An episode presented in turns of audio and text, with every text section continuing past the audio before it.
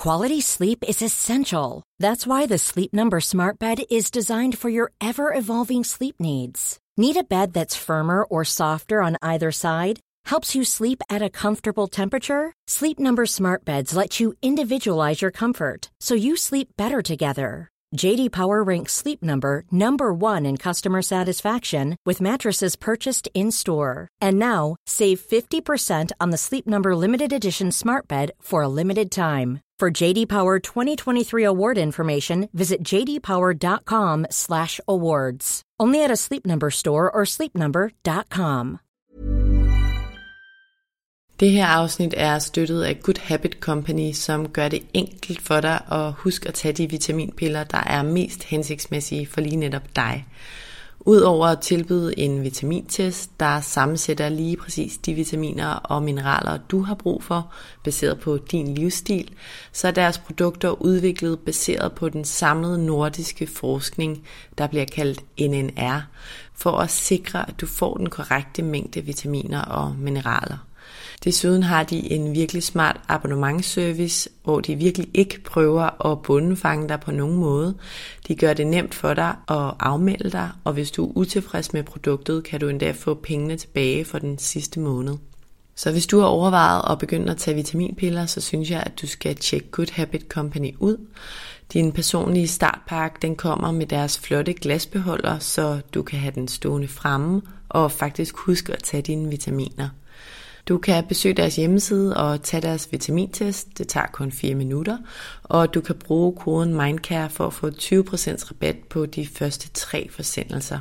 Og den rabat kan du faktisk godt kombinere med de 20% rabat, du allerede kan få ved kvartalsvis bestilling.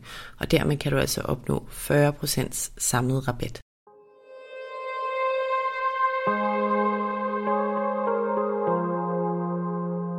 Vores mentale sundhed er nedadgående, og det er til trods for, at vi aldrig har været rigere, aldrig har haft flere muligheder og aldrig har levet længere. Det skal vi selvfølgelig tale højt om, så vi kan blive klogere på, hvordan vi får det bedre. Podcasten her handler om, hvordan vi kan lykkes med at være gladest og friest muligt i det ene, ofte ret travle liv, vi har. Og den handler om, hvordan vi kan lykkes med at være både professionelt ambitiøse og passe på os selv på samme tid. Jeg taler med eksperter og privatpersoner om alt det, der fylder inde i os. Min erfaring er, at når vi taler højt om de ting, så opdager vi, at der er mange andre, der bøvler med de samme ting. Og jeg tror virkelig på, at vi kan lære af og inspirere hinanden ved at dele vores sårbarheder, erfaring og viden. Så velkommen til Vores Mentale Sundhed, en Mindcare Collective podcast. Jeg håber meget, at du vil lytte med, og at du følger med på min Mindcare Collective profil på Instagram, hvor jeg hver dag deler indhold til refleksion, motivation og inspiration. Jeg hedder Lea Helmand. I dag har jeg Lotte Påup og Malte Nygaard i studiet, der begge ved rigtig, rigtig meget om vores vejrtrækning – det her emne er et, jeg selv er blevet ret fascineret af gennem de to sidste år, og derfor glæder jeg mig meget til at dele afsnittet med jer i dag. I afsnit 29 af vores mentale sundhed havde jeg elitefridykker og værtrækningsekspert Stig Pryds i studiet til en snak om det her emne også, hvor han blandt andet delte sin egen ekstremt personlige og ret vilde historie om værtrækningens potentiale. Men i dag dobbeltklikker vi lige lidt yderligere på emnet. Jeg skal tale med Lotte og Malte om, hvad åndedrættet egentlig er for en størrelse. Vi skal tale om, hvorfor åndedrættet i den grad kan påvirke vores hverdag, vores sundhed og vores mentale trivsel. Vi skal tale om nogle af de fejl, mange af os begår, når vi trækker vejret. Og så skal vi selvfølgelig tale om, hvad vi hver især helt lavpraktisk kan og bør gøre for at trække vejret mere ideelt i den forhastede moderne verden, vi lever i. Inden vi starter vil jeg som altid også lige nævne, at du helt gratis og nemt kan støtte, at der bliver ved med at komme nye afsnit af vores mentale sundhed. Det gør du selvfølgelig først og fremmest ved at dele, at du lytter med derude. Derudover betyder det selvfølgelig også rigtig meget, hvis du rater podcasten, anmelder den og subscriber til den i din podcast-app, hvis du kan lide det, du hører. Du kan også donere et valgfrit beløb til podcasten. Det gør du via MobilePay-nummeret 155503, som du også kan se i tekststykket under afsnittet her. Det er alt sammen med til at støtte, at der kan blive ved med at komme nye afsnit. Tusind tak. Velkommen til Lotte Porp. Tak. Velkommen til Malte Nygaard. Tak. Lotte og Malte, jeg er rigtig glad for, at I har lyst til at være med i dag. Vi skal jo tale om åndedrættet, vi skal tale om vejrtrækningen, kært barn har mange navne, og vi skal tale om, hvilket potentiale der ligger i det her med at trække vejret. Og vejrtrækningen, det er, jo, det er jo noget, vi har mere døgnet rundt, og det synes jeg egentlig er meget interessant, det der med, at vi alle sammen trækker vejret 24-7, og det er nok måske en af de, ej jeg vil ikke sige eneste ting, men det er i hvert fald en ting, som vi mennesker har til fælles, mm. alle sammen. Og alligevel er det endnu noget, som en del mennesker faktisk ikke tillægger særlig meget betydning, eller måske ikke stor nok betydning. Mange glemmer eller ved simpelthen ikke, hvor meget potentiale der faktisk ligger i den måde, vi trækker vejret på. Og det skal vi tale om i dag. Der begynder heldigvis at være mere og mere fokus på det, men øh, jeg synes stadig, vi kan skrue op for det fokus. Er I klar på, at vi lige om lidt springer ud i den her snak? Absolut. Helt sikkert. Dejligt. Inden vi gør det, så vil jeg lige starte med at introducere jer. Lad os starte med dig, Lotte Påb. Du er mor til to. Du er fysioterapeut, åndedrætsekspert, og så driver du hjemmesiden Åndedrættet Nu, som henvender sig til alle dem, der gerne vil søge viden om og fordybe sig i åndedrættet. Og sammen med din mand, så er du også indehaver af den intelligente krop.dk, som blandt andet lægger hus til kurser og til din åndedrætsterapeutuddannelse. Og du har arbejdet med åndedrættet i rigtig, rigtig mange år. Og du er især optaget af, hvordan vi mennesker kan optimere vores åndedræt til at leve livet bedst muligt med de krav, livet nu engang stiller. Og i den forbindelse har du også meget fokus på, at vi kan løse rigtig mange udfordringer i livet helt selv gennem vores krop. Malte Nygaard, du er uddannet lærer, og så har du efterfølgende taget en hel række efteruddannelser, der har fokus på især åndedrættet og på mindsetet. Du har taget en mentaltræneruddannelse ved Jørgen Svendstrup, i øvrigt en skøn psykolog og mm. mentaltræner, som jeg også har haft æren af at have i podcasten et par gange. Så har du taget en coachuddannelse og en åndedrætsuddannelse blandt en håndfuld andre uddannelser. Og du arbejder selvstændigt som mentaltræner og åndedrætscoach i din virksomhed Breathe O. Og noget du er særligt optaget af, det er især åndedrættets potentiale. Det er også naturens påvirkning på krop og sind. Og det er at finde balancen mellem arbejde og fritid mm. i mhm. livet. En balance, jeg tror mange leder efter i det her moderne, fortravlede liv. Med de ord, så tænker jeg, at vi springer ud i det. Jeg har som altid lyst til at starte lidt på toppen, og jeg ved, at I begge har en historie og nogle personlige erfaringer, der har været med til at påvirke, at I endt med at beskæftige jer med lige netop åndedrættet. Vi ikke starte med at fortælle lytterne og mig lidt om det. Og jeg tænker, Lotte, vi kan starte med dig. Hvad var det i dit liv, der var med til at bestemme eller påvirke, at du i dag er åndedrætsekspert og beskæftiger dig med det her emne så meget, som du gør? Egentlig så, så, øh, så, det, så det er ikke én ting, det er mit liv.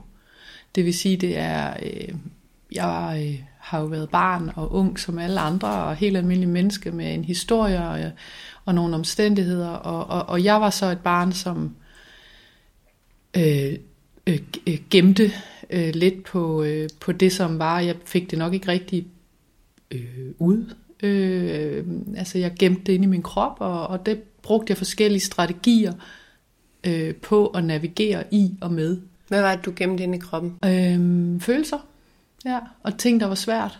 Øh, omstændigheder, der var svært øh, i barndommen. Mm. Og, øh, og, og det jeg startede med at, at, at navigere med, det var jo sådan set meget konstruktivt. Det var, at jeg var heldig at spille håndbold. Og når jeg spillede håndbold, så kunne jeg bruge en masse kræfter. Det gjorde hele min ungdom. Og det var rigtig fedt, når det gjorde ondt øh, så mærkede jeg mig selv rigtig meget. Mm. Så kunne jeg ikke spille håndbold længere, så begyndte jeg, det kunne jeg ikke på grund af en skade, så begyndte jeg at spille, øh, eller ikke spille, lave fitness. Der startede fitnessbølgen i 90'erne i Danmark. Så øh, hoppede jeg på det, og brugte min krop så meget, at øh, det blev så ligesom, øh, mm, kan man sige, der med tiden, så blev der fyldt mere og mere ind i den krop, og det blev, altså, der kommer flere og flere følelser, når jo ældre du bliver, øh, og når du ikke får det bearbejdet, men det fylder ind i kroppen, så øh, fik jeg nye strategier for ligesom at navigere i og være i det. Hmm. Det er jo noget, jeg først kan se i dag selvfølgelig, og sidde og tale om det på den måde. Øhm, så jeg skulle være tynd, og tynd og tynd og tynd, og fik en mave. Jeg har billeder af mig selv, hvor maven vender indad, i stedet for udad. Og øh, så havde jeg det godt. Altså, jo mere jeg kunne træne, jo bedre. Hmm. Øh, jeg kan huske, at jeg lærte mig selv at drikke kaffe, stempelkande kaffe, for at få kræfter, altså for at få koffeinkick, for at kunne cykle på en cykel. Øh, så, så den tur har jeg været igennem. Øh, da jeg blev lidt ældre, efter jeg så havde uddannet mig til fysioterapeut, så var det arbejdet, der tog over og var mit bedøvelsesmiddel, som mm. jeg kalder det i dag. Ikke? Altså bedøve mig for det, der var, eller navigere i det, der var, øh, med det, der var, uden at tage mig af det. så på et tidspunkt, så sagde min krop stop. Øh, den sagde fra, og det gjorde den af nogle omgange. Jeg lyttede ikke til den helt til at starte med. Det blev jeg tvunget til til sidst, hvor jeg lå og kunne ikke... Øh, jeg kan lige så tydeligt huske, at jeg lå på et hotelværelse, skulle ud og undervise på fysioterapeuternes årskongres. Flere workshops, fedt, og det var sådan noget, som enhver ville synes var sjovt at gøre, men jeg kom aldrig ud af sengen på det der hotelværelse. Jeg lå og græd, og kunne ikke bevæge mig. Så øh, det fik, var egentlig kickstarteren til at skulle gøre noget andet. Og det gjorde jeg jo ikke overnight. Det er jo så en proces derfra. Tak for at dele. Mm. Det, og det er mange, mange af de eksperter, der sidder herinde, de mm. uh, har jo en eller anden historie, hvor det, de ligesom er endt ud med, det kommer fra deres eget, ja nu siger jeg sorg, eller deres egen erfaring. Mm. Og sådan. Jeg sidder jo også her, fordi jeg har, der var noget, jeg kæmpede med, mm. og noget, der ligesom skulle ændre mm. sig. Så det giver altid en meget god, mm. sådan, ja, et meget godt perspektiv på det mm. hele. Jeg kunne til med til for en lille kort ting, at jeg jo startede igennem årene, hvor jeg havde det rigtig svært med at tale om, hvorfor jeg havde det svært, og hvad jeg skulle gøre anderledes hos psykologer. Og jeg kan dyb respekt for psykologer og deres arbejde. Det er et meget, meget vigtigt arbejde. Det er ingen, der må høre mig sige, det ikke er. Øhm, men det flyttede ikke rigtig så meget på det tidspunkt for mig, den måde man arbejdede på i forhold til min adfærd. Så jeg forstod og forstod, hvorfor jeg gjorde, og det var meget, meget vigtigt. Hmm for at finde ud af, at jeg var et okay menneske. men, men jeg fik ikke rigtig ændret min adfærd, og det er der, hvor kroppen kommer ind i billedet i mit arbejde i dag. Så tingene skal hænge sammen, krop og hoved. Malte, hvad med dig? Hvad, hvad er sådan din historie ind i det her? Du har jo øh, færre år på banen i forhold ja. til det her emne, men er jo virkelig øh, opsat af emnet og interesseret i det, og har dedikeret rigtig meget af din tid til det i dag. Og det er jo din øh, fuldtidsbeskæftigelse. Mm. Mm. Hvorfor og hvordan er du endt der, hvor du er? Jamen, når jeg sidder og hører på Lotte, så er der jo i virkeligheden øh, enormt mange krydsflader øh, i vores liv. Øhm, og hvorfor end hvor jeg er i dag? Jamen, jeg tror også, at jeg skal tilbage. Øh, og jeg kommer selv fra, fra fodboldverdenen, hvor jeg har øh, ja, dyrket elitesport, siden jeg var 6 år gammel, har jeg lyst til at sige, men, men altså på højeste plan herhjemme.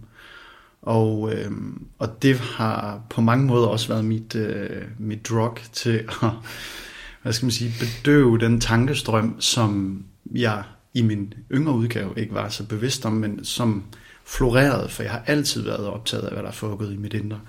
Men måske den egen, jeg kommer fra, og i det kolde nord, øh, i 9000, har der ikke altid været et godt sikkerhedsnet omkring til at dykke ned i noget af det svære. Mm. Øh, og, og det blev bare mere og mere øh, tydeligt i fodboldverdenen, at øh, det setup ikke var der. Jeg var, jeg var også skadet i nogle perioder i, øh, i mine unge år, hvor øh, jeg mistede udvikling og, øh, og var en, øh, var en 11-12-årig ung øh, fyr, da jeg ligesom starter med at få de her længerevarende skader, som, øh, som oplevede livets øh, sådan hårde side ret hurtigt, og jeg blev ret hurtigt... Øh, ja, det modnede, men det var også en meget seriøs øh, måde at, at leve på mm. øh, igennem de her hårde perioder med skader. Klip til, at jeg øh, er 25 og bliver uddannet lærer, som du var inde på indledningsvis, og, øh, og tager ligesom, øh, har stadigvæk min fodboldkarriere i gang, men jeg tog ligesom den her, jeg plejer at kalde det en sportslogik, øh, også når jeg sidder og arbejder med klienter, der presser sig selv alt for meget på arbejdsmarkedet, så siger jeg, at det er den her sportslogik, vi skal gøre lidt op med, hvor det skal være højere, hurtigere og stærkere og endnu bedre hele tiden. Mm. Fordi så bliver vi ved med at løbe rundt i det her, undskyld mig, skide hamsterhjul øh, på arbejdsmarkedet eller i sportens verden. Men jeg tog den så øh, med mig som lærer og som underviser. Jeg skulle ud og redde hele verden, og jeg skulle ud og levere en masse undervisning og være den bedste udgave over for mine kollegaer og, ungerne og forældrene og så videre.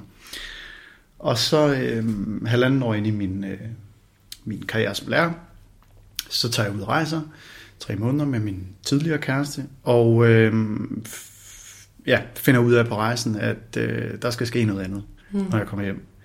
Øh, på flere planer i mit liv. Men, men meget af det handlede om, at jeg havde nok gået og presset mig selv for meget. Så da jeg kommer hjem, dagen inden, at jeg skal undervise igen, øh, bliver jeg ramt af stress også, som, øh, som du var inde på, Lotte. Mm. Og det var simpelthen også min krop, der sagde fra. Øh, og så kan jeg huske, at jeg sidder og snakker med, øh, med en psykolog, der siger øh, efter en 45 minutter, der vil han bare sige, at han har lagt mærke til, at jeg ikke har trukket vejret, mens vi har snakket sammen. Fint. Ja, og, øh, og så siger han, hvad mener du med det? Jamen, øh, du skal gå hjem til næste samtale, og så skal du forsøge at få vejrtrækning ned i maven. That's it. Nå, men så må jeg jo gøre det. Øh, og så går der i virkeligheden nogle år, hvor at, øh, jeg tager til København, øh, er stadig i den samme branche med undervisning og pædagogik. Øh, og så i løbet af de sidste 3-4 år her har jeg så øh, givet den en over med forskellige uddannelser. Og har i virkeligheden øh, været, det har været min nysgerrighed, der har ført mig derhen, hvor jeg er i dag. Men det stærkeste værktøj, og det, der har gjort hele forskellen i alt det, jeg har læst, det har været vejrtrækning. Yeah. Øhm, og, jeg, og jeg opdager det så rent professionelt i en ansættelse som mentaltræner, hvor jeg arbejder med atleter. Øh, og hvor en af områderne inden for sportspsykologi, det handler om at afspænde kroppen og centrere sig selv gennem vejrtrækning, men også gennem mindfulness. Og det er faktisk igennem mindfulnessen, at jeg for alvor får øjnene op for vejrtrækningsdelen. Og de to ting hænger vel også meget tæt sammen, altså mindfulness og, og vejrtrækning. Mm.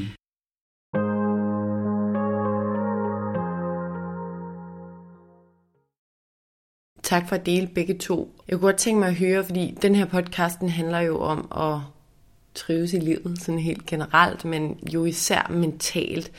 Og kan I ikke prøve at sætte jeres ord på og dele jeres perspektiver på, hvorfor det er så vigtigt, at det moderne menneske har fokus på lige netop åndedrættet i dag. Altså det kan jo sagtens være, at man også har brug for at tale med en psykolog, mm. og man også har brug for alt muligt. Men som I ser det, hvorfor er det så, at vejrtrækning er så essentiel? Jeg kan godt starte med at sige mm. grundlæggende to ting. Øh, det ene er, at åndedrættet, som du er indledt med, også er noget, vi bruger 24-7.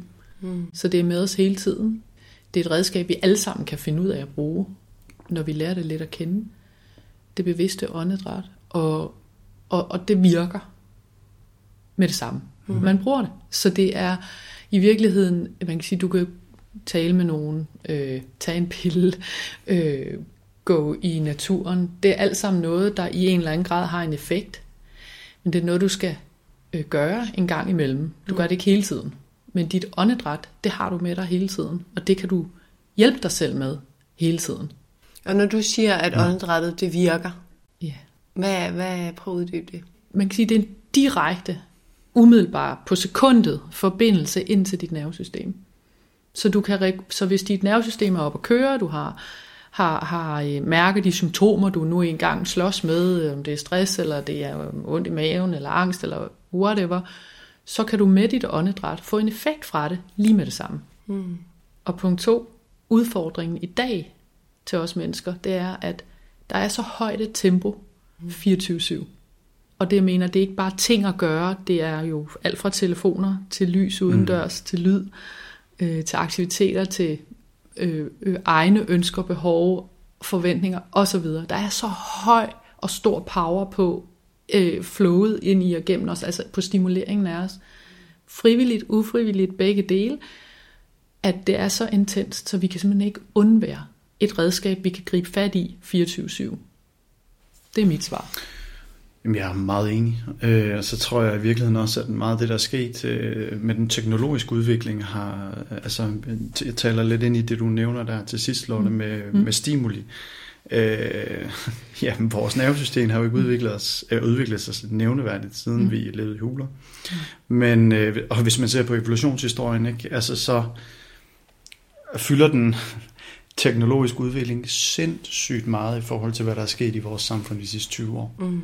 Kontra tilbage, jeg ved ikke, 10 millioner år siden, eller millioner år siden. Øh, det må ikke hænge mig op på, hvor lang, hvor lang tid vi har eksisteret, eller jorden har fandtes. Mm. Men øh, der er i hvert fald nogle studier, der, der viser, at øh, hvad skal man sige, stigningen af stress, angst og depression er steget proportionelt med øh, sociale mediers udvikling. Mm. Og det er jo interessant. Ja, ja det er frygtelig skræmmende. Ja, det er jo virkelig, virkelig skræmmende. Så den her informationsstrøm fra sociale mm. medier blandt andet, men også alle mulige andre steder, mm. øh, overbelaster simpelthen vores hjerne, mm. øh, så vores stressrespons i mm. nervesystemet mm. er overaktiv, mm. øh, den sympatiske del. Amygdala hele tiden, altså vores frygtcenterhjerne, holder øje med far. Mm. Øh, en indbygget mekanisme, der er jo ret, ret vigtig, men den er overaktiv. Og, og, og, og ikke fordi jeg faktisk gider sidde og tale om telefoner og iPads, fordi det er snart træt af at høre om, og det tænker mm. jeg også, der er mange andre, der er. Men vi kan bare stadig ikke vende ryggen, at, at sidder du og kigger i den skærm, om du så er voksen eller barn, eller hvem, ligegyldigt hvem du er, så er det et, et, et, at fortælle din hjerne, altså give din hjerne og dit nervesystem et farestimuli, mm. som mm. for at koble det over i åndedrættet, gør, mm at du automatisk trækker vejret, som om du er ude og løbe væk fra en tiger. Præcis. Vi talte lige om, inden vi tændte mikrofonen, om det her begreb, jeg, jeg har stødt på, som I sikkert kender altid, men der e-mail-apnø, eller sociale medier-apnø, og mm. det er det her med, at man, man taler jo originalt om søvnapnø, altså man ikke kan trække vejret om natten, men jeg har bare virkelig taget mig selv i, og også i, i kraft af, at jeg er blevet mere opmærksom på min vejrtrækning det sidste år, især halvandet, men når jeg sidder og skriver e-mails, eller sådan, altså, så er jeg sådan, altså jeg trækker jo nærmest ikke, og det gør jeg jo selvfølgelig, for der kommer lidt ind og ud, mm. men sådan, min vejrtrækning sidder helt op i, ja. i brystet, og jeg holder nærmest vejret. Og at der så er en term for det, at når vi er mm. på skærm, så er vi faktisk ekstremt dårlige til mm. at trække vejret. Ja, vores ubevidste øh, hjerne, kan man sige, vores hjernestamme, mm. bliver simpelthen aktiveret til, til at gå i overlevelse. Mm. Og jeg synes, det I peger på her, det er jo sådan, grund til, at jeg synes, det er så spændende her, også fordi det er jo på sin vis ret banalt, og så har det det her kæmpe potentiale, og mm. jeg, jeg er jo en af dem, der er kommet senere ind i det her med vejrtrækningen, og igen, det er blevet, synes det er super spændende, og de, de sidste ja, halvandet, to år. Jeg kan, jeg kan virkelig se potentialet her. Mm. har også læst bogen Breath, som mm. dem, der er begyndt at være interesseret i mm. det, nok har, har læst. Men jeg fornemmer også, at der er en gruppe mennesker, som måske var mig før det, der, mm. der stadig er sådan lidt, vejrtrækning, det kan sgu ikke være løsningen på det hele agtigt. Mm. Men når jeg sidder, jeg taler med rigtig mange eksperter, og taler om rigtig mange emner, og som jeg ser det, så det hele kommer tilbage til det her evolutionære mismatch, som man jo taler om med altså jamen, forskellen mellem vores hjernes udvikling og samfundets udvikling. Mm. Og det bliver på den måde sådan, så banalt, ikke? Altså, at der bare er ja. en kæmpe ubalance mellem vores parasympatiske og vores sympatiske system, mm. og det, der aktiverer vores parasympatiske system allermest, som vi skal have meget mere aktivitet i i det moderne samfund, er vejrtrækningen. Mm. Så det er sådan, vi, det, jeg håber virkelig, at der vil komme mere af, mm. endnu mere fokus på den her vejrtrækning. Ja, jeg, vil, jeg vil sige, at vejrtrækning er i hvert fald det værktøj, der virker allermest effektivt. Mm. Man kan også godt tage ud i naturen, og, ja. og man kan fravælge sig nogle arbejdsopgaver, eller ja. tage nogle vigtige snakke for at nedbringe stress. Men ja, det er jo, som du sagde, man kan jo mærke mm. det fra, fra første fløjt. Man, man forlænger udåndingen mm. for eksempel, eller får bragt vejrtrækningen meget mere i ro. Og vi har det med os hele tiden. Ja. Altså, den muligheden er lige der. Ikke? Det er vigtig pointe, Malte. Ja. Mm. Lotte, vil du sige, det er for voldsomt at kalde det vores superkraft? Fordi det nej, framer jeg nogle gange nej, ligesom. Nej, nej, altså... Øh, Simpelthen det er... Øh, det er en superkraft, ja. øh, og, og, og altså, som vi alle sammen jo har, og vi behøver ikke diskutere den. Det er en superkraft i den forstand, at, at igen, det virker lige med det samme, ja. og det virker på en lang bane. Ja. Det er nødvendigt at, at lære vores åndedræt at kende, for at finde ud af, mm. at du faktisk ja. har en superkraft, der kan hjælpe dig selv. Øh, og den virker lige nu og her. Du behøver ikke at gå tre måneder i fitnesscenter, før den virker. Præcis.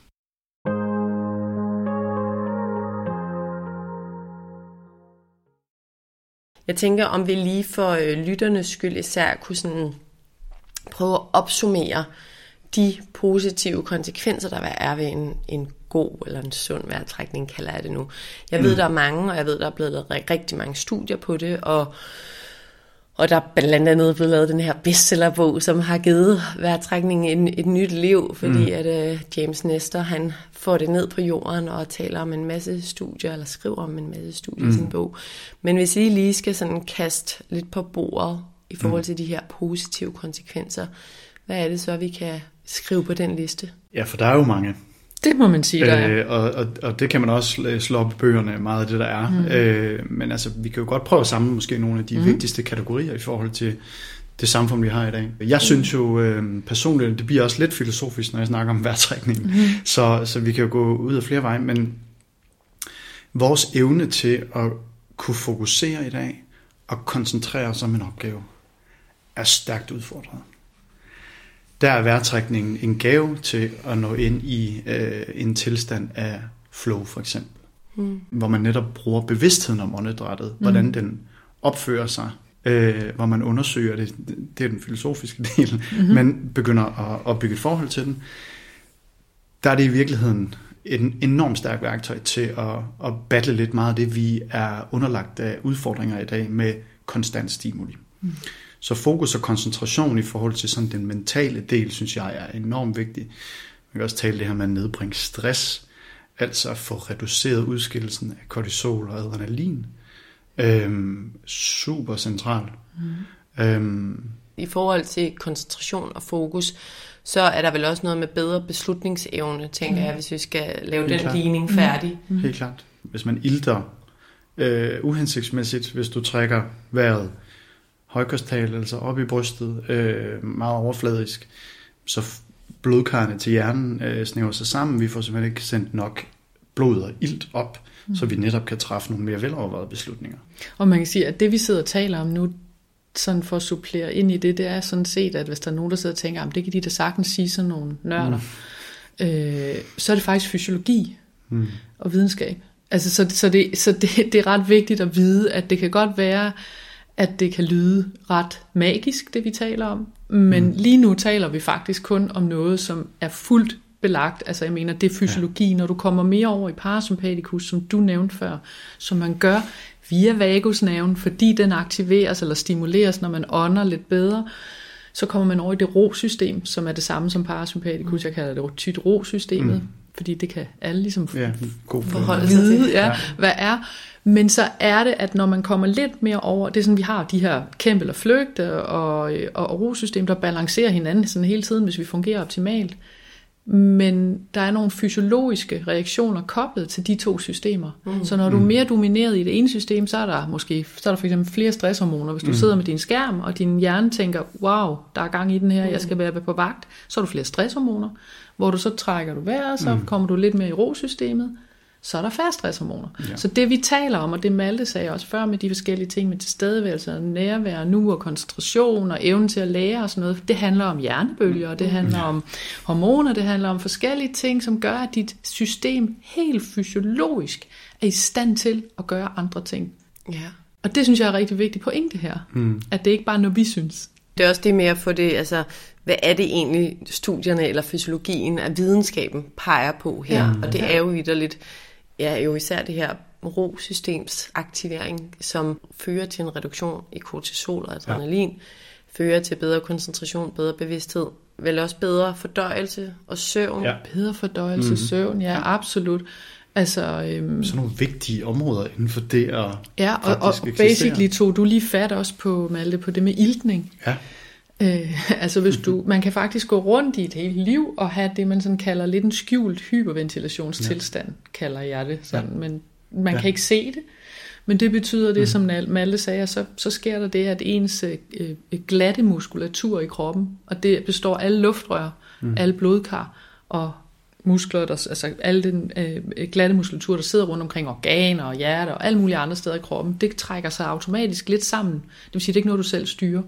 Så hvis du har den der lidt skjulte hyperventilationstilstand, så har du altså en tilstand, der er meget anspændt i din krop. Altså mm. blodet har større modstand, og mm. luften strømmer med mere modstand, og ja, selv nede i lungerne er du udfordret. Så, så den tilstand, som rigtig mange mennesker kan gå rundt med, fører faktisk automatisk til også, at du ilter dig selv dårligere. Og det vil sige, fordi der rent fysiologisk set så opstår en tilstand, hvor du ikke kan optage iltmolekylet over mm. i cellen særlig effektivt.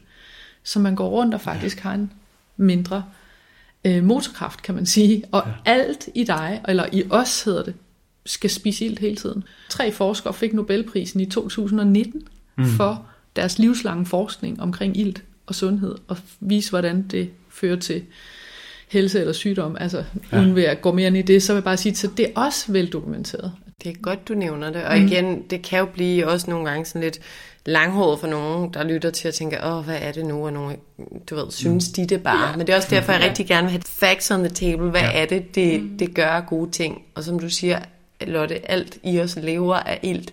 Så det, jeg ja. egentlig hører dig sige ja. også, er, at alt i vores krop ja. gavner af, at vi trækker vejret. Ja. Godt. Ja. Og vi har vidst siden 1930'erne, at hvis en celle undskyld, ikke har nok ilt til stede, så er der stor risiko for, at den deler sig i sygdomsretning. Ja. Hvis der er ilt nok til stede, så kan den ikke blive syg. Så at trække vejret godt Præcis. eller sundt, det påvirker også, også vores risiko for at blive syg.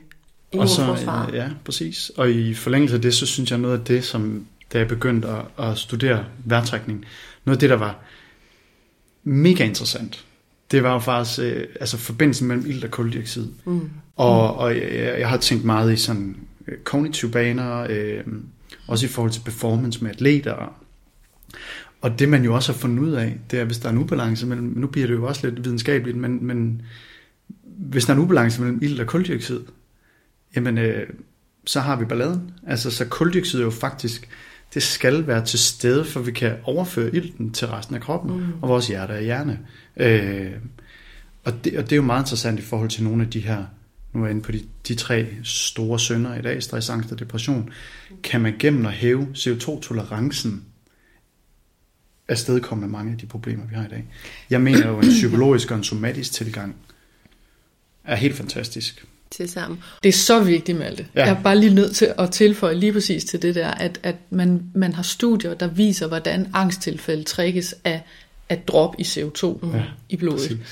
Øh, så jeg, jeg arbejder rigtig meget sammen med en svensker, der har lavet sådan en uh, type CO2-behandling, der hedder Body Stream, hvor man går ind i sådan et blåt suit, og så får man tilføjet CO2, og så ligger man Jeg bruger det rigtig meget selv i øjeblikket, for at prøve at se, hvad gør det med mig.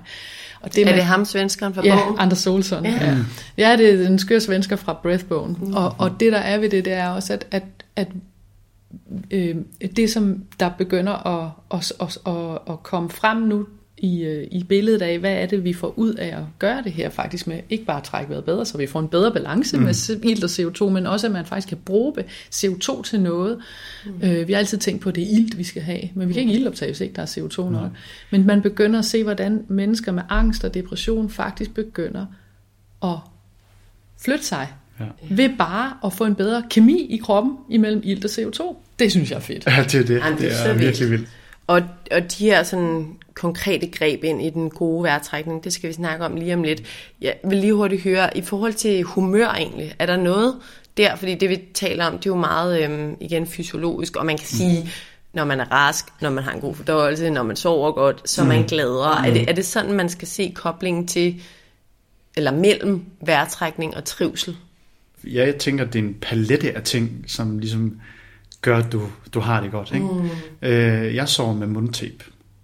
Og det er også en af mine råd til folk. Hvis du vil starte med at gentræne næseværtrækning, så er det bare en mega god ting. Mm. Jeg kan simpelthen mærke forskel på mit humør, når jeg vågner og har glemt at sove med tape, og har sovet med tape. Men er du normalt en, der bruger munden? Er mit spørgsmål, Malte. Øh, efterhånden er jeg ikke. Nej, men hvorfor jeg spørger, er jo, fordi ja. jeg selv jeg er ikke, ultimativt ikke mundånder. Mm. Jeg er mm. meget næseånder, mm. 24-7. Mm. Men når jeg sover med et stykke tape på min mund, mm. så har jeg fuldstændig samme følelse som det, du siger der. Mm, det vil okay, sige, selvom jeg egentlig ikke er en, der burde have hjælp til at lukke min mund om natten, så kan jeg bare stadig mærke en forskel ja. ved at have haft et lille stykke tape på. Ja. Jeg har faktisk en anden ro, når jeg vågner op. Ja. Det her er jo til dem, der kender det eller har læst bogen. Mm. Mundtape er simpelthen, der er forskellige typer, men at man sætter et lille stykke tape rundt om munden på en helt sikker vis, mm. og så gør det egentlig, at man bliver tvunget til at trække vejret udelukkende gennem næsen. Som vi er designet til, skabt ja. til, det er meningen, Ja. at det kun skal gå gennem næsen. Bedre iltning, mere ro til hjernen, mere ro-system, mm. og alle mulige andre gode Og ting. man kan jo sige, altså hvis man skal lige overføre, hvorfor er det egentlig vigtigt at sove med tape for munden mm. om natten, øh, i forhold til humør eller trivsel, jamen, øh, jamen så kan man sige, hvis du, hvis du ligger og trækker vejret øh, mundunder mm. øh, det meste af natten, så, så er du faktisk i gang med en vejrtrækning, som kan være hyperventilerende, mm. øh, den kan være højt op i brystet, så du øh, skaber et indre miljø i din krop, har jeg lyst til at sige, med alle de ting, som du var inde på, Lotte. Mm. Hvor, øh, hvor øh, det jo selvfølgelig har en betydning for, hvordan du vågner og slår op. Og det er det der med, det er så obvious, når I siger det sådan, ikke? Mm. eller når man læser om det, eller sådan, men der er så mange, der ikke ved de her ting. Ja. Hvis du sover hele natten, eller bare nogle timer om natten, med munden som luftvejen, så vil du 100% vågne op i en mere mentalt udfordret tilstand. Det tør jeg godt os for.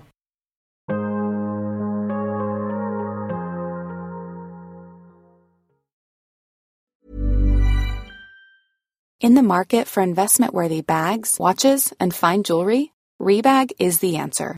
Rebag is a luxury resale platform where each piece is carefully inspected by experts to ensure quality and authenticity. Use Rebag to buy and sell finds from the world's top brands, including Louis Vuitton, Chanel, and Cartier. Head to Rebag.com and get up to 15% off your first purchase as a member with code REBAGNEW. Shop today at Rebag.com. That's R E B A G.com. And use promo code REBAGNEW for up to 15% off your first purchase as a member.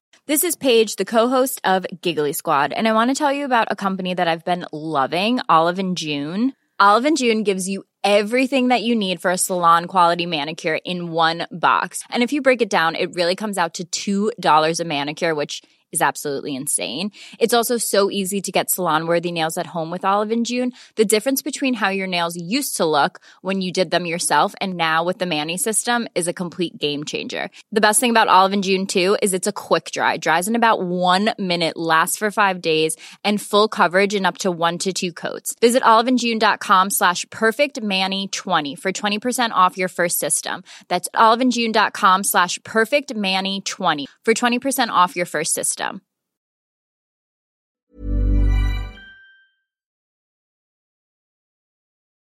Jeg vil rigtig gerne lige have, at vi gennemgår i hvert fald fire punkter for, for det, der er en god vejrtrækning. Altså, der findes jo rigtig mange teorier, og der er mange nationaliteter og kulturer, der har studeret vejrtrækningen, mm. og det kan være, at de nogle gange går lidt i hver sin retning, men rigtig meget af det peger på de samme ting. Og det er det der med at trække vejret gennem næsen, få luften helt ned i maven, sætte tempoet ned og fokusere på udåndingen. Og jeg tænker, at vi lige sådan, I har klikket lidt på det allerede, eller nævnt det sådan her og der, men jeg synes lige, vi skal gennemgå de fire punkter. Inden jeg øh, inden gør det, så kommer jeg bare til at tænke på, igen, jeg har jo den her breath-bog og refererer til, og jeg synes bare, det er meget interessant for dem, der ikke har læst den, det der med, at, at de sidste især 100 år af år, hvordan vores, både fordi vores hjerne har udviklet sig til at blive større, det er så i mere end de 100 år, mm. øhm, så har den taget mere plads ind i hovedet, men især også fordi vores mad har været, eller er blevet mere og mere forarbejdet, Yes. så tykker vi meget mindre, sådan så de luftveje, vi faktisk kan bruge til den der geniale vejrtrækning, de bliver faktisk mere og mere udfordret. Så derfor, når folk hører om et stykke tape, og de er sådan, ej, er det virkelig nødvendigt, så er der faktisk altså, mm. en grund til, at det er, mm. eller kan være nødvendigt. Ikke? Mm. Bare til dem, der ikke kender til det her emne så meget endnu. Men øhm, er I med på, at vi går igennem de her fire punkter, ja, og taler lige øh, kobler et par ord til, hvorfor det er vigtigt. Der er det der med ind af næsen. Det skal strømme gennem næsen. Munden er til at spise med, næsen er til at Til trække. spise og tale med, det kan du bruge din mund til. Ja, Så indånding og udånding gennem næsen. gennem næsen. Ja. Og det er vigtigt især fordi, hvad? en fyr, der hedder Patrick McCune, jeg mener, han, han, han, han forklarede, at der er ligesom 30 fordele. Øh, Der er super mange fordele, men der var, der var i hvert fald, øh, han listede dem op, ikke? Og, og altså alene det, nu kan jeg starte med at kaste en bold op, hvorfor næseånding er vigtigt, men det er jo det her med, at den øh, luft, vi er omgivet af, er fyldt med alle mulige vira og bakterier. Mm. Øh, det får vi simpelthen sorteret fra gennem vores små femmerhøj i næsen, når vi trækker vejret gennem næsen.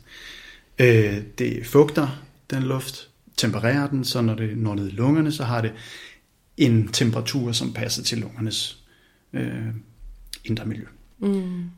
Så er der nitrogenoxid, der er super vigtigt. Som Nitrogenoxiden producerer vi i vores bihuler. Dem, øh, de er ikke i relation til munden. Nej. Så det går vi glip af gennem munden, og nitrogenoxiden kan basically mange ting, men to ting, som er meget vigtige, det er, at de ud, det, det er luften, når nitrogenoxiden kommer med mm. ned i øh, lungerne, så udvides karne, hvor vi iltoptager ned i lungerne, mm. så vi, det er en booster for iltoptagelse. Og når vi ånder nitrogenoxiden ud gennem næsen igen, så renser vi faktisk den her næse, som er afhængig af at få den her pingpong med den her gasart her. Så for eksempel, når der er mange, der sidder derude og tænker, hmm, den der næse, jeg kan ikke altid stoppe til, og er det en eller anden, så kan jeg bare lige så godt sige det. Mm. Begynd at bruge næsen, så ja. åbner den. Ja, det er rigtigt. Bare gør det. Ja. Den kommer til at åbne op, og det går ikke i 14 dage, det går lige om lidt. Men ja. bare begynd at bruge det. Jo mere du bruger den, jo mere åbner den op. Ja, præcis. Ja, det var i hvert fald en ting ja. med næseværtrækning, hvorfor det er vigtigt. Så er der en helt øh, biomekanisk side af det at bruge næsen. Øh, det er simpelthen, så er det nemmere simpelthen at aktivere vores mellemgulvsmuskel. Mm. Øh, og diafragma, som er vores motor for åndedrættet, den største muskel. For åndedrættet er måske kroppens vigtigste muskel. Mm. Øh, og, øh, og den har man mindre forbindelse til, hvis du går om under. Det vil sige, så er der simpelthen en større chance for, at vejrtrækningen er øh, i brystet, og øh, ved at den er i brystet, så får vi simpelthen ikke bevæget luften dybt nok ned i lungerne, så vi får kun brugt måske den øvre del af, af vores lunger til, at, øh, hvor luften passerer ind i de her små lungeblære, alveoler, mm. hvor luftskiftet øh, sker eller udveksling mellem Og det tager også længere tid gennem næsen. Ja. Øh, ja. De to tynde sugerør, skulle jeg til at sige, kontra den her store mund, det her store hul, og man kan jo bare sidde, når man lytter med her, og prøve at ånde lidt gennem munden og ånde ja. lidt gennem næsen. Det ændrer på tempo, og det ændrer på hvor dybt du føler, det kommer ned. Ja. Apropos den her, hvordan, det, hvordan man aktiverer sin åndedrætsmuskel. Ja, fordi det er jo to ting, eller to andre punkter, det kobler til her, når I siger det der, Præcis. både med langsomheden og det der med helt ned i maven. Mm. Kan I ikke sætte nogle ord på, hvorfor det egentlig er så vigtigt at få den der luft helt ned i maven? For det hører vi jo også tit. Altså, hvorfor, hvorfor er det så vigtigt? I siger noget med diafragma og Altså lige bare for lige at huske at sige, man får ikke luft ned i maven. Mm. Men nej, man får følelsen, man får bevægelsen. Mm. Jeg taler rigtig meget, når jeg kommunikerer omkring åndedræt, omkring, at når vi hver gang du trækker hver gang du har et åndedrag, så er det en bevægelse, du kan mærke. Mm. Fordi den her muskel, vi taler om, som også er det, man kalder mellemgulvet på dansk, der ligger lige under lungerne, når den bevæger sig ned mod buen, mm. altså ned mod i retning af bækkenet, så hiver den i lungerne, fordi den klistrer sammen med lungerne, og der kommer negativt tryk i lungen, så luften kommer ind i lungerne. Og det er det tryk på buen, altså mod bækkenet, som åndedrætsmusklen giver, at du kan mærke, som om du får luft i maven. Mm. Du, det er det, man kalder luft i maven. Det er ikke luft. Luften kommer kun til lungerne. Mm. Og det er egentlig for at aflive en myte, fordi ja. man typisk siger, at det er forkert, men det er bevægelsen, så du kan mærke dit åndedræt i mm. maven. Så det vi gør, det er, at vi får luften så langt som muligt ned i lungerne, yeah. så vi kan mærke i maven. Yes. Fordi hvad er det, vi kan i bunden af lungerne? Der er den største øh, mængde af alveoler. Ja. Mm. Som dem, der optager ilten. Yes. Ja. Så, og dem har du ikke ret mange af oppe i Nej, toppen af lungerne. Præcis. Så du, du, du, det er så effektivt at få sendt luften derned. Mm og faktisk også om til bagsiden. Det er også en anden af mine kæpheste. Ja. At man ikke kun fokuserer på maven. Jeg har mødt så mange mennesker gennem årene, mm. som er rigtig store mavepuster, kalder jeg dem. Ja. De har lært sig selv at bruge maven, kan man sige. Altså få maven til at bevæge sig. Og det er jo et stykke hen af vejen af at lære en strategi. Mm. Men det er kun en lille del af et optimalt effektivt åndedræt. Ja. Det er altså et tredimensionelt, så det skal også mærkes om på bagsiden og andre steder. Mm. Ja, især øh, i ribbenene. At ribbenene udvider sig, og man kan mærke bevægelsen ja. i hver sin side. Hele vejen fra ja. kravben til mm. bækkenbund. Altså, hvor allermest dernede, hvor mellemgulvet, ja. altså hvor åndedrætsmusklen sidder. Mm. Mm. Okay, så for, for nybegynder lytteren her, for at sætte mig i deres sted, så det der ligesom er kimen ved, hvorfor det er vigtigt at trække vejret dybt ned, det er alveolerne, der sidder i lungerne, som egentlig ja, ilter allermest, de sidder mm. nederst i lungerne. Ja, og så har vi jo slet ikke været inde på, jo vi har været inde på fight or flight og rest and digest, men vi har jo, vi har jo ikke gået dybt med nervesystemet, mm. men det har faktisk også noget at sige Ja. øh, i forhold til den her del, fordi ja, vi har jo to grene, de antagonister arbejder mellem hinanden hele tiden for at opretholde noget balan- indre balance, homeostase i kroppen. Så det homeostase det er det indre miljø mm. I kroppen, der, der ligesom skal være i balance. Øhm, næsevejrtrækning har en større tendens til at aktivere den parasympatiske del, som vi har været inde på, bremsen i vores øh, nervesystem. Hvor det er modsat med en mundånding, så er der større chance for at aktivere øh, ja, stressresponsen. Mm. Helt klart. Så man kan jo sige, det, det er jo også en af de ting, der er øh, ved vejrtrækning, der er så crucial at lære folk i dag. Fordi så snart man oplever en eller anden form for stimuli, der kan være udfordrende, så er vi evolutionært bygget til at trække vejret gennem munden. Præcis. Og fordi vi har så mange stimuli i dag, det kan være fra arbejdsmarkedet, sociale medier, pres på hjemmefronten, karriere, forventninger til os selv, forventninger til andre, ambitioner osv., det er en sympatisk aktivering hele tiden. Det er så vigtigt, Malte. Ja. Og det er faktisk det samme, som der er en, der prikker dig på skulderen hele tiden og Fuldstændig. siger, åben munden, åben munden, åben Ja. munden, uden du ved det. Ja, og alle de mennesker, vi omgås, og trafikken i byen, og altså, der er jo ja. så mange stimuli. Når vi i hvert fald sammenligner med, med savanne-mennesket, ja. ikke, hvor hjernen var udviklet til, og nervesystemet. Så er der de her to, der måske hænger lidt sammen, men sæt tempoet ned på din vejrtrækning, og fokuser på din udånding. Hvorfor er det, det er så vigtigt? Jamen, det er jo lidt i, i forlængelse også, at det jeg var inde på før med nervesystemet, mm. at når du trækker vejret ind, så er det jo faktisk en sympatisk aktivering, der sker. Hjertet slår hurtigere. Når du ånder ud, så sker den modsatte aktivering, en parasympatisk aktivering. Mm. Så det er de her to, jeg kalder dem antagonister, der arbejder i forhold til hinanden, mm. der hele tiden er på spil. Eller hele tiden arbejder med hinanden, kan man sige. Mm. Og det her med at gøre, gøre udåndingen længere, det aktiverer jo så den her gren, der sørger for at lade vores øh, krop og sind op igen. Mm. Ja, Samtidig så er det også en regulering af det her ilt og CO2. Vi Ja. taler om mange ting, så jeg kan godt forstå, hvis lytterne nogle gange tænker, det skal jeg høre mere om, det skal jeg høre mere om. Men Ja. vi bliver nødt til at nævne det, fordi vi talte om det før. Altså hvis vi er udåndingen, vi, hvis, hvis vi er rigtig gode til at ånde ind, som Malte taler om det her med, at og vi har mange stimuli, vi, vi er rigtig gode til at ånde ind, og vi, vi har i virkeligheden øh, så en tilstand af, at vi faktisk har for meget ilt i forhold til koldioxid. Så man er sådan ude af ilt- og koldioxidbalance, fordi det skal man faktisk også have mm. hele tiden, for det vi talte om tidligere, for at kunne iltoptage. Mm. Øh, så hjælper det også at ånde ud. Altså, så, så, så den her udånding er så vigtig, faktisk vigtigere end indånding, ja. inden du overhovedet tænker på at ånde ind. Mm. Så skal du være færdig, færdig med at ånde ud. Ja. Ja, det er det, der er meget interessant. Man hører sådan, take a deep breath, men det er faktisk uh, take a deep exhale, ja. der, er, Ja. der er vigtigere. Ikke? Jo, altså det, altså det, nu nævner du take a deep breath, fordi vi skal også have aflivet en anden myte.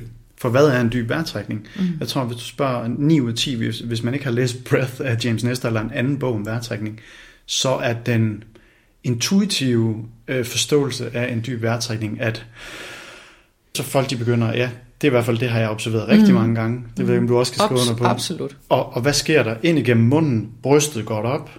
Mm. Sådan lidt en Johnny Bravo øh, frem med brystet tilstand. Mm.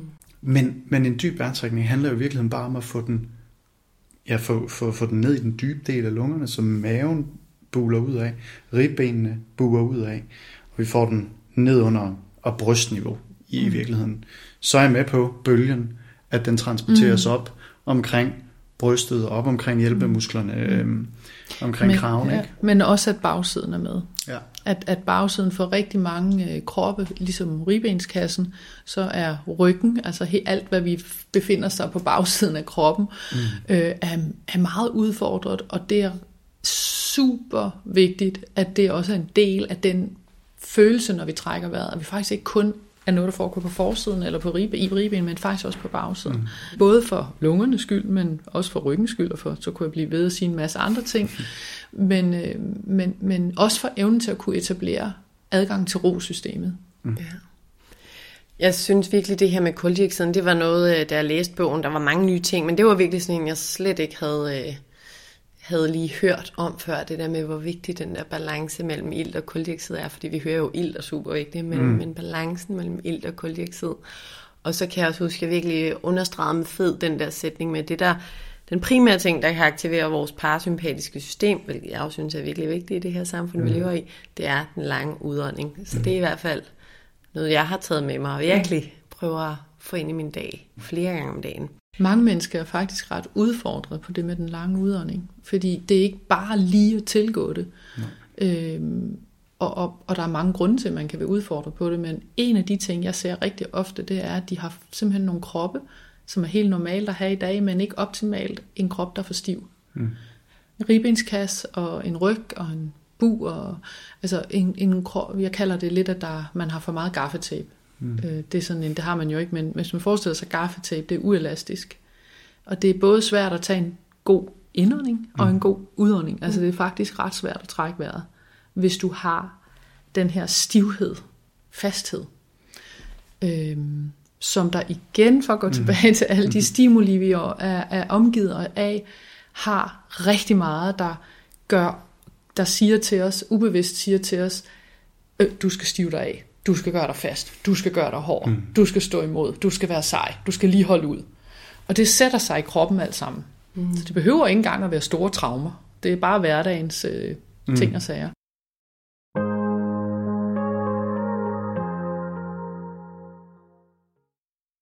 Hvis nogen sidder og tænker, det er så svært alt det, de siger der, mm. og svært at mærke, så ligger der et, et, et noget arbejde, jeg kalder grundarbejde med åndedrættet, som er en gave, man, hvis man har lyst, så kan man gå ind i det, mm. som kan åbnes op. Og lige om lidt vil jeg gerne høre både omkring jeres øh, number one åndedrætsøvelse, og måske lidt om det her grundarbejde. Men jeg vil gerne lige høre jer lidt til det her med hurtig versus langsom vejrtrækning, fordi baseret på det, vi taler om nu, så er der jo ingen tvivl om, at de fleste af os, vi, vi gavner af at trække vejret langsommere med, med særlig fokus på både ja, vores næse og vores udånding. Men der findes jo også den her Wim Hof-metode, som mange nok har hørt om. Den kaldes også tumo-vejrtrækning, mm. som jeg kan forstå det. Hvor man egentlig trækker vejret hurtigt, hvilket modsat den langsomme vejrtrækning, der beroliger kroppen, faktisk stresser kroppen lidt. Mm. Så kan I ikke bare lige et par ord på, hvorfor den her tumo-vejrtrækning er blevet så populær? Altså, hvad er det, den kan? Mm, jeg tror... Øh... Jeg skal starte med at sige, det var en af de ting, jeg prøvede først, da jeg skulle dykke ned i, hvad vejrtrækningen kan. Det er ikke noget, jeg underviser særlig meget i. Jeg, jo, jeg laver værholdstræning, men det er med en, hvad skal man sige, en, en rolig vejrtrækning. Øhm, det som den kan, det er jo klart, det, øh, de, de 30 hyperventilerende vejrtrækninger udvasker en masse koldioxid. Så nu bliver vi lidt teknisk igen. Mm. Så når du, når du ikke har masser af koldioxid i kroppen, jamen, så den der refleks, hvor man får altså, evnen til at holde vejret efter den sidste udånding, øh, den refleks, som vi har brug for for at tage en ny vejrtrækning, ny indånding, det er jo koldioxiden, der bygger sig op. Så når du laver de første 30 hyperventilerende vejrtrækninger, så bliver du faktisk i stand til at kunne holde vejret lidt længere tid. Det synes jeg også i starten havde en fantastisk effekt, fordi man kan virkelig mærke i kroppen, hvordan blodkarne trækker sig sammen, Absolut. og øh, øh, det, det, det summer i, i hele kroppen. Ikke? Og det havde en kognitiv effekt for mig også, at jeg kom ud af mit hoved ned i min krop, jeg mærkede min krop øh, på en helt anden måde, end jeg nogensinde havde gjort. Så det, det er sådan set rigtig, rigtig fint. Jeg, jeg tror, at grunden til, at Wim Hof er blevet så mm-hmm. populær, det er jo fordi, han er sådan en intet ondt ord om ham, men han, er jo, øh, han har en evne til at indtage rummet. Jeg er selv meget mere introvert end, end, end Wim øh, i, i høj grad. Men, men hans evne til at sælge produktet har været fantastisk. Så mangler vi meget mere forskning på, mm. hvad metoden kan. Øh, og jeg synes i virkeligheden, det er lidt øh, skræmmende, at yeah. det er blevet yeah. sådan en go-to. Mm. Men jeg tror, at mennesket drives af det ekstreme. Men for mig, i hvert fald min filosofi, så handler det meget mere om balancen, og det handler meget mere om den parasympatiske mm. aktivering. Fordi det er det, der forbedrer kognition, det er det, mm. der, der forbedrer, hvordan, øh, hvad skal man sige, mm. kroppens, altså immunsystem, øh, endokrine system og altså hjertekarsystem får det simpelthen bedre af mm. den måde at mm. tilgå vejrtrækningstræning på. Mm. Jamen, det er jeg helt enig i. Ja. Det er jeg helt enig i. Altså, det er jo også mit grundarbejde, der handler om det, men, men, men men jeg, jeg, kan, rigt- jeg kan også rigtig godt lide, mm. som jeg ved og kan mærke, at du kan med mm. se, se tingene for det, det er. Altså, det, mm. det alt sammen kan noget. Mm. Ikke også? Altså, det er jo vigtigt, at den her ydmyghed overfor, jeg sidder ikke her for at forhærlige mit eget, eller sige, det er kun det, man skal. Men at kunne se, hvor, når noget kan bruges op til hvad. Mm. Og der tænker jeg, det, altså et, øh, det er vigtigt at forstå, at, og med risiko for at få nogen på nakken, at Wim Hof har lånt Ja. af tusindvis af år gamle øh, øvelser. Mm. Øh, han kalder det bare sit eget, og det er fint nok for mig. Jeg har ikke noget imod det, men det bare vigtigt at, at vide, at det er jo det er rigtigt, vi har brug for mere videnskab, men, men det er også noget, som nogen har brugt i tusindvis af år. Mm. Det jeg øh, opfordrer mennesker, der laver Wim Hof-træning meget hyppigt til, øh, og i det hele taget dyrker det, altså det, det, man har, der er en tendens til, at man dyrker det meget. Mm. Det er også sådan meget dopaminfremkaldende, Ja, som kan helt give en kan man sige, positiv afhængighed, mm. hvis det handler om åndedrætsøvelser. Ja. Øhm, men så opfordrer jeg bare kraftigt til, at man også dykker ned i sit grundåndedræt. Ja. Som, som er de her basic skills, som vi prøver at sidde og snakke lidt om mm. her også. Ikke? Øh, mm. Hvor jeg plejer at sige, at jeg, plejer at lave, jeg laver det kedelige. Ja. øh, men det er ikke alle, der synes, det er kedeligt, men, men det er ikke så rock og roll som Wim. Hof. Så, så det kunne jeg bare godt tænke mig Ja. at, at sige i den forbindelse. Og grunden til, at jeg også spørger netop, det er fordi, at nu refererer jeg endnu en gang til bogen, men der er det jo meget tydeligt, at sådan, han nævner det, og der, han nævner også øh, nogle positive konsekvenser, der kan være ved det. Men bogen handler jo 80% om noget andet, og om det, vi her kan kalde kedeligt, men måske grundarbejdet. Og jeg synes nemlig også, det er meget interessant, når der er et eller andet i samfundet, der bliver en trend. Og mm. så er det det, når ham, vejrtrækning, ja, Wim Hof, ham har jeg mm. hørt om, at vi ligesom også får de andre nuancer med. Så øhm, Fordi man går til Wim Hof, skal man ikke tro, at man ikke har mere at lære om åndedrættet. er egentlig det, Det er bedste råd, jeg kan give, uden at være arrogant, eller bare sige, Ja. det er bare, det er jo sådan noget, jeg selv har lært også. Ja. Altså. Lad os tale lidt om det der grundarbejde, fordi hvis øh, der sidder nogle lyttere derude, der tænker, okay, jeg vil gerne i gang med det her med, med vejrtrækning nu, så kunne jeg godt tænke mig at høre jer lidt ord på, hvad, hvad er det, de kan begynde på allerede i dag? Altså sådan som jeg i hvert fald plejer at arbejde med, mm. med, med klienter en til en, eller med grupper. Jeg starter altid med at kigge på, øh, hvordan øh, vedkommende trækker vejret i hvile. Helt stille og roligt, om jeg kan observere, om der er noget vejrtrækning, der foregår op i brystet. Så sådan en, en, en åndedrætsanalyse af, jamen, hvor, er, øh, hvor, hvor, hvor er vejrtrækningen? Hvad er det for nogle muskler, der øh, hvor vejrtrækningen bliver trukket med? Øh, hvor mange gange i minuttet trækker øh, personen øh, vejret. Altså bøgerne siger omkring de der 6-12 vejrtrækninger i minuttet. Øh, så, så er der jo også nogen, der er nede og sige, øh, ja, ham jeg skal, skal på uddannelse hos senere i dag. Patrick McCune arbejder jo helt teoretisk ud fra 5,5 til 6,5, mener jeg der. Mm. I hvile. I hvile. Det er vigtigt at Ja, sige, det er jo fuldkommen i hvile. Ikke? Ja. For andre, det skal hele tiden forandre sig afhængig af, hvad du laver. Præcis. Ja. Præcis. Mm. Øhm, så jeg, jeg laver nogle små test. Jeg laver sådan en test, der hedder BOLD score, altså Body Oxygen Level Test, hvor man ligesom tester, tester ens øh, til CO2-tolerance, og så kan man bruge det i det fremtidige. Øhm, det er sådan nogle små tester, så laver jeg de her øh, centrale, øh, hvad skal man sige, jeg kalder dem fysioterapeutiske øvelser, fordi jeg har faktisk også stjålet nogen for dig. Dejligt. Ja, og de er skide gode. Ja, øh, og ham fysioterapeuten, der underviste mig, bruger også nogle af dem. Mm. Jeg har lært sådan nogle flere gennem øh, Super. din bog. Så godt. Så det kan virkelig anbefales. Så mm. Det er det, jeg sådan også kalder for, hvad skal man sige, grundåndedrætstræningen, øh, for at få de rigtige muskler og mekanikken på plads. Mm. Og det lyder jo super relevant, men hvis man nu sidder derhjemme og ikke lige har booket en tid mm. hos en af jer endnu, og man ikke lige kan de der øh, fysioterapeutøvelser, og heller ikke har noget, der kan måle Mm. oxygen level, hvad du sagde der, hvad, mm. hvad kan vi så gøre helt selv som en start? Luk munden. Det er det første hack, som jeg kalder det. Og det er ikke sikkert, det er let hack for, for alle derude, fordi der vil være nogen, der er mega udfordret med det, øh, og, og, og vil skulle have hjælp til det. Øh, og, og, så, men, men det er første hack. Start, med- start med at begynde at være bevidst, mere og mere bevidst. Måske så får du mod på også at prøve på at gøre det om natten, øh, og du trækker vejret mere med munden, end du regner med i den nat. Mm. Og, og, og det andet, jeg ville sige, det var, at jeg, det andet hack, det vil sige, det, ja, nu kalder jeg det hack, det er fordi, det plejer jeg at gøre, at, at når det skal være sådan nogle simple, hurtige, lette ting, så ud over næsen, så er det at øh, øh, lave nogle længere udåndinger. Mm. Ja. Ja. Men igen, som jeg sagde tidligere, det kan være rigtig svært også at lave de der længere udåndinger. Mm. Øh, så det, det, det er en rigtig god idé at gøre noget mere end det. Men nu spørger du lige til lige nu. Ja. så, Og hvordan gør man så med de lange udåndinger? Det, som du siger, det er yeah, pisse svært for mange. det er det. Ikke også? Hvis man er vant til at være mere end, ja, hvis man er vant til at være mundånder mm. og, og være god til indåndinger, mm. men rigtig hurtigt til at få skubbet udåndingen mm. afsted. Mm. Hvordan gør man så det? Der, der er jo sådan nogle små yeah. hacks, mm. og hvis man har været dyrket yoga, så, øh, så, Yes, så kan man jo... Jeg har faktisk lige begyndt at dyrke yoga som gammel fodboldspiller. Det er så godt for Det er min sejt. krop. Ja, det Ja. er så dejligt for mig. så godt. Øh, opfordring til alle mænd, der har spillet fodbold eller mm. elitesport. Nå, det var en lille, øh, det var et lille sidespor. Men hvis man har dyrket yoga i hvert fald, så kender man nok til ujjayi-vejrtrækningen eller mm. sejrsvejrtrækningen, hvor stemmelæberne i halsen mm. sammensmøres en lille bitte smule, så man kan styre sin vejrtrækning og kan styre sin udånding, gøre den længere og længere og længere gennem den metode. Øh, men en, en lidt mere simpel, Mm.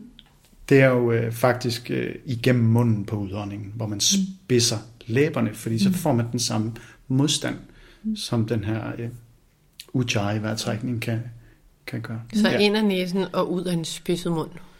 ja, hvis man gerne vil træne de lange udåndinger, for Ja, det er jo ja. ret vigtigt, at lytterne Og- får det med. Og et andet hack, som, som er fuldstændig i samme familie, som jeg faktisk også undervist i tirsdags ude i, en, i ved to syvende klasser på en skole. Jeg har været var ude at undervise. Øh, som var til også at kunne lære dem. Fordi Mm. det er det der med at sige, hvad er det, alle kan lære. Mm. Og det er at lave øh, brummevejrtrækning, Ja. som jeg kalder den. Det hedder den ikke i yogaen, men hvor man... Mm, og så kunne jeg altså Ja. blive ved, ikke? Brummer, fordi det handler nemlig ikke kun om at ånde ud og støde luften ud. Det handler faktisk også om at give det tid, så man ophober noget CO2, Ja. ja. inden man ånder ind igen. Og så er det, at den der brummen, bare for hvis I sidder og tænker derude, hvad, hvorfor skal jeg nu sidde og brumme? Mm. Det har så, uden at komme ud af en lang forklaring, bare en meget hurtig forklaring, er, at det har en positiv effekt på rosystemet, fordi det vibrerer grundlæggende vores 10. kranienerve, vagusnerven, som Mm. aktiverer vores parasympatikus, vores rosystem. Ja.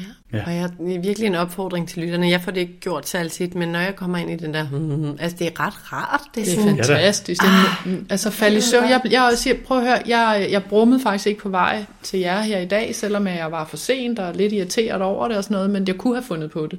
Mm. Øh, så jeg bruger det rigtig meget selv. Jeg var meget rolig i dag, øh, så jeg havde ikke brug for det.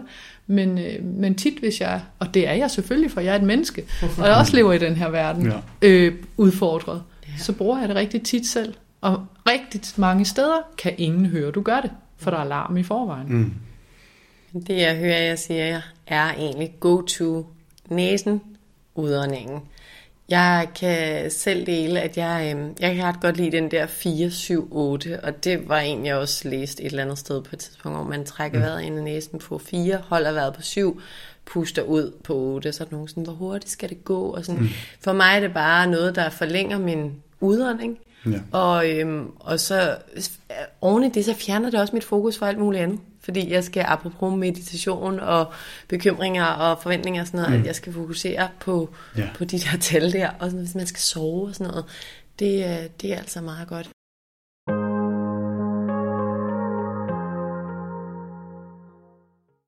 Det er, en, det er jo en rigtig øh, god teknik af den gode, jeg tror han hedder Dr. Albert Veal. Eller.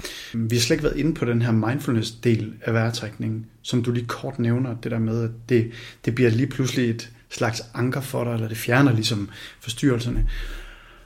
Og mindfulness ved vi jo, er så mega godt for alle mennesker. Mm. For at sortere lidt i tankestrømmen, for at bringe ro i sindet, for at bringe ro i virkeligheden også i vejrtrækning, når sindet falder til ro. Man kan sige, et forstyrret åndedræt har også et forst- medfører også et forstyrret sind.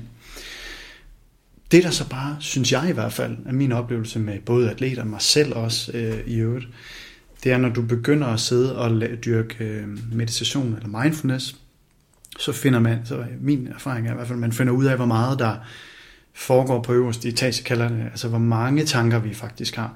Og øh, min erkendelse er, at det kan være rigtig svært at tæmme sindet med sindet på den måde. Øh, men det var det, jeg også erfaret, det som jeg indledningsvis var lidt inde på.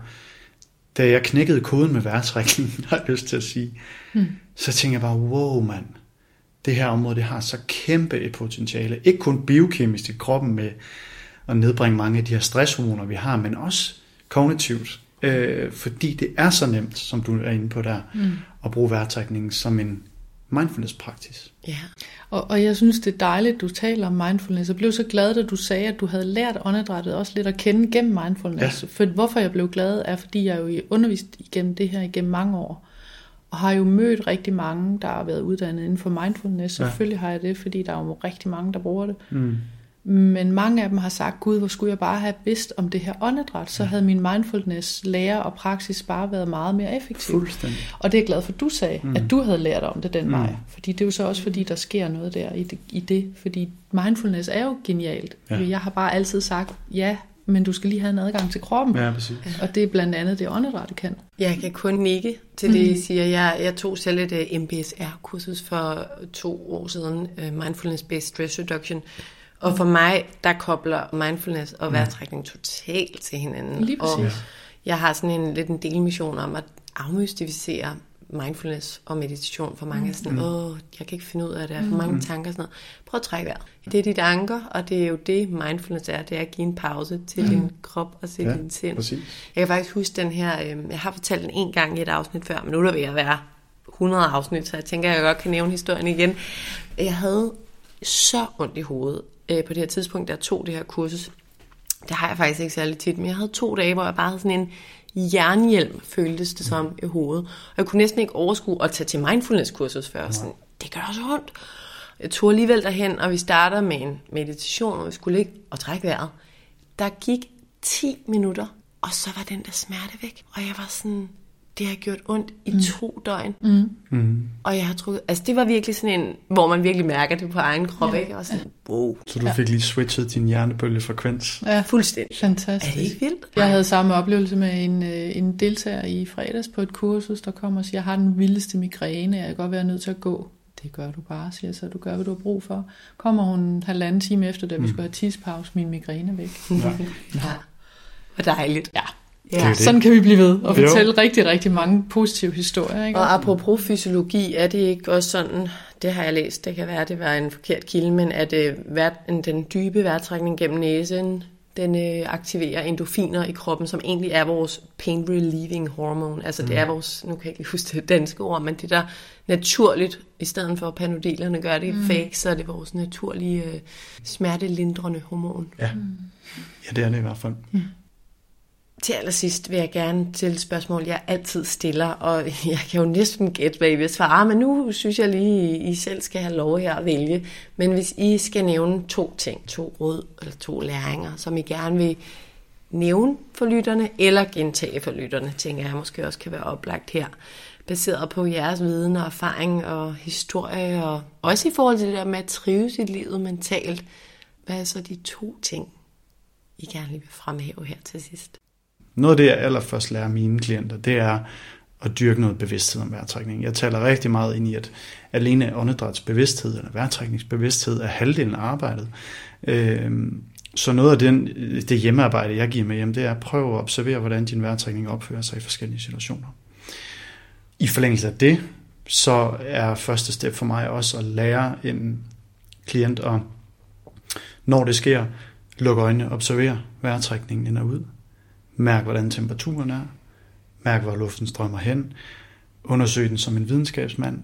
Alle sådan nogle små ting. Og det, det kaldes i virkeligheden mindful breathing. Mm. Men det er så vild en teknik, når der er kaos øh, eller stress på, øh, uden faktisk at gøre noget ved vejrtrækning.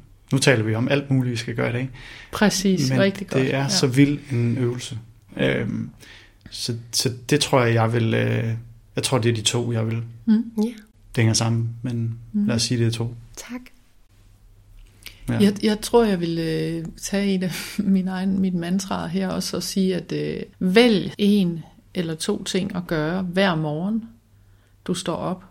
Og det skal være hver morgen, hver mm. dag, som handler om, at det ikke går i hovedet. Altså, det handler om noget, der handler om kroppen, og jeg vil altid anbefale, at det handler om hænderne og fødderne.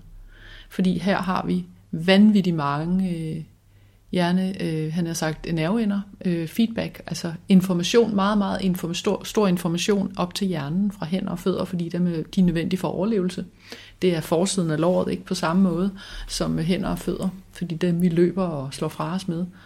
Så, øh, så når man øh, får en praksis, der handler om at massere og bevæge hænder og fødder, en eller anden nogle øvelser, der kan vare bare 5 minutter hver morgen, du står op, øh, så sender du noget, en tydelig, klar information til din hjerne, som gør, at øh, din hjerne ikke er på vej over i kæmpe eller flugt, men har lettere ved at finde ro og have tillid til det, der foregår, mm. som rigtig mange mennesker udfordrer sig af. Så det er noget med en daglig praksis i forhold til at få adgang til rosystemet, som ikke handler om åndedrættet, men det gør det alligevel for mig, fordi du kan ikke bruge dit åndedræt, hvis dit system er oppe at køre. Så det handler om den her forbindelse til kroppen. Ja, så det er forbindelsen mm. til kroppen. Ud af hovedet, ned i kroppen.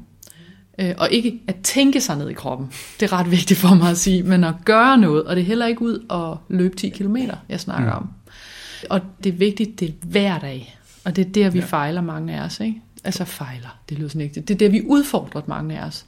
Og det er da død hammerne svært at gøre det samme hver dag, udover mm. børste tænder mm. og spise mad og sove at gå på arbejde. Det er sådan de der basic ting. Ikke? Alt det andet der, det er mega svært at gøre hver dag. Mm.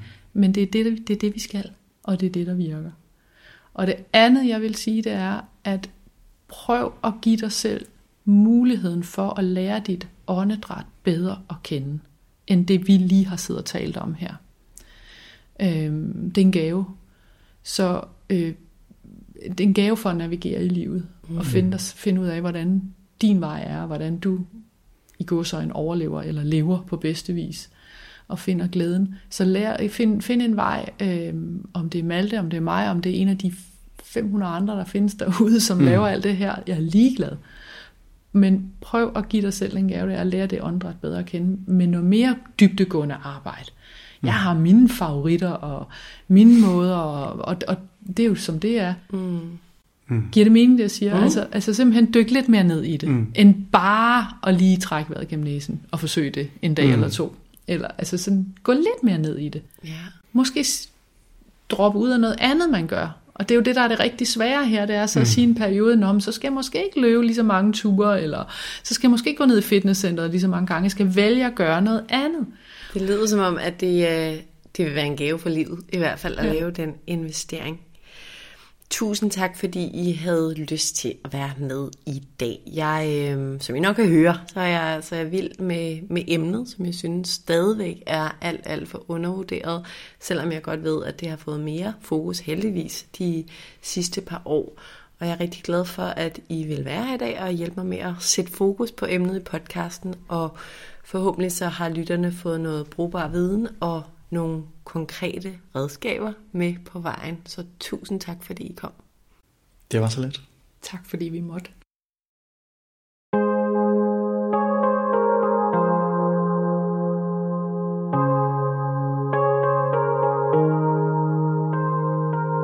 Jeg vil ikke sige så meget andet i dag, end at jeg håber, at du forstår potentialet af vores vejrtrækning. Så mange mentale udfordringer, vi har i dag, kan kobles tilbage til ubalancen mellem vores sympatiske nervesystem, altså vores kæmp- eller flygtsystem, og vores parasympatiske system, altså vores ro- og hvilesystem. Det har jeg nævnt før, men den vigtige pointe her er, at en af de ting, vi kan gøre for at aktivere vores parasympatiske system øjeblikkeligt, det er at trække vejret ordentligt. Husk nu, vi har den her vejrtrækning med os hele døgnet rundt. Så lad os gøre lidt for at trække vejret bedre. Vær bevidst om dit åndedræt og brug næsen, når du trækker vejret. Sørg for at trække vejret helt ned nederst i lungerne, så det føles som om, at du får ilten helt ned i maven. Og fokuser generelt på at sætte tempoet ned med din vejrtrækning og fokuser på de lange udåndinger.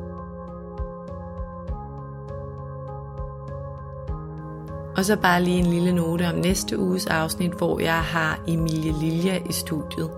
Det er tid til en personlig beretning, og Emilie hun taler højt om nogle ting, jeg tror rigtig, rigtig, rigtig mange af os kan genkende. Emilie hun fortæller helt generelt om at passe på sig selv og sin mentale trivsel som værende kvinde i 30'erne, Og vi kommer omkring emner som at være bedre til at mærke sig selv og mærke sine egne behov og lytte til sig selv og sine egne behov. Vi taler om at være mindre plisende. Vi taler om at acceptere og måske endda elske sig selv. Vi taler om, hvorfor det er en kæmpe gave at kunne være til stede i nuet og acceptere tingene, som de er. Emilie hun fortæller sårbart, ærligt og reflekteret om sit liv og sin erfaring med mental sundhed. Og jeg glæder mig meget til at dele afsnittet med dig. Tusind tak, fordi du lyttede med i dag.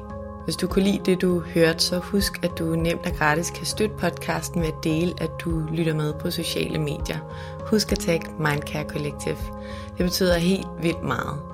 Hvis du kan lide podcasten, kan du også støtte den ved at rate eller anmelde den i din podcast-app, og ved at trykke på subscribe-knappen. Så ved du også altid, hvornår der udkommer et nyt afsnit. Det er alt sammen med til at støtte, at jeg kan blive ved med at lave nye afsnit af vores mentale sundhed. Som det sidste vil jeg også bare lige nævne, at du selvfølgelig altid er velkommen til at række ud, hvis du har feedback, idéer eller noget på hjerte, du gerne vil dele med mig. Du kan skrive til mig via min Instagram-profil Mindcare Collective eller via min hjemmeside mindcarecollective.com. Tak fordi du lyttede med.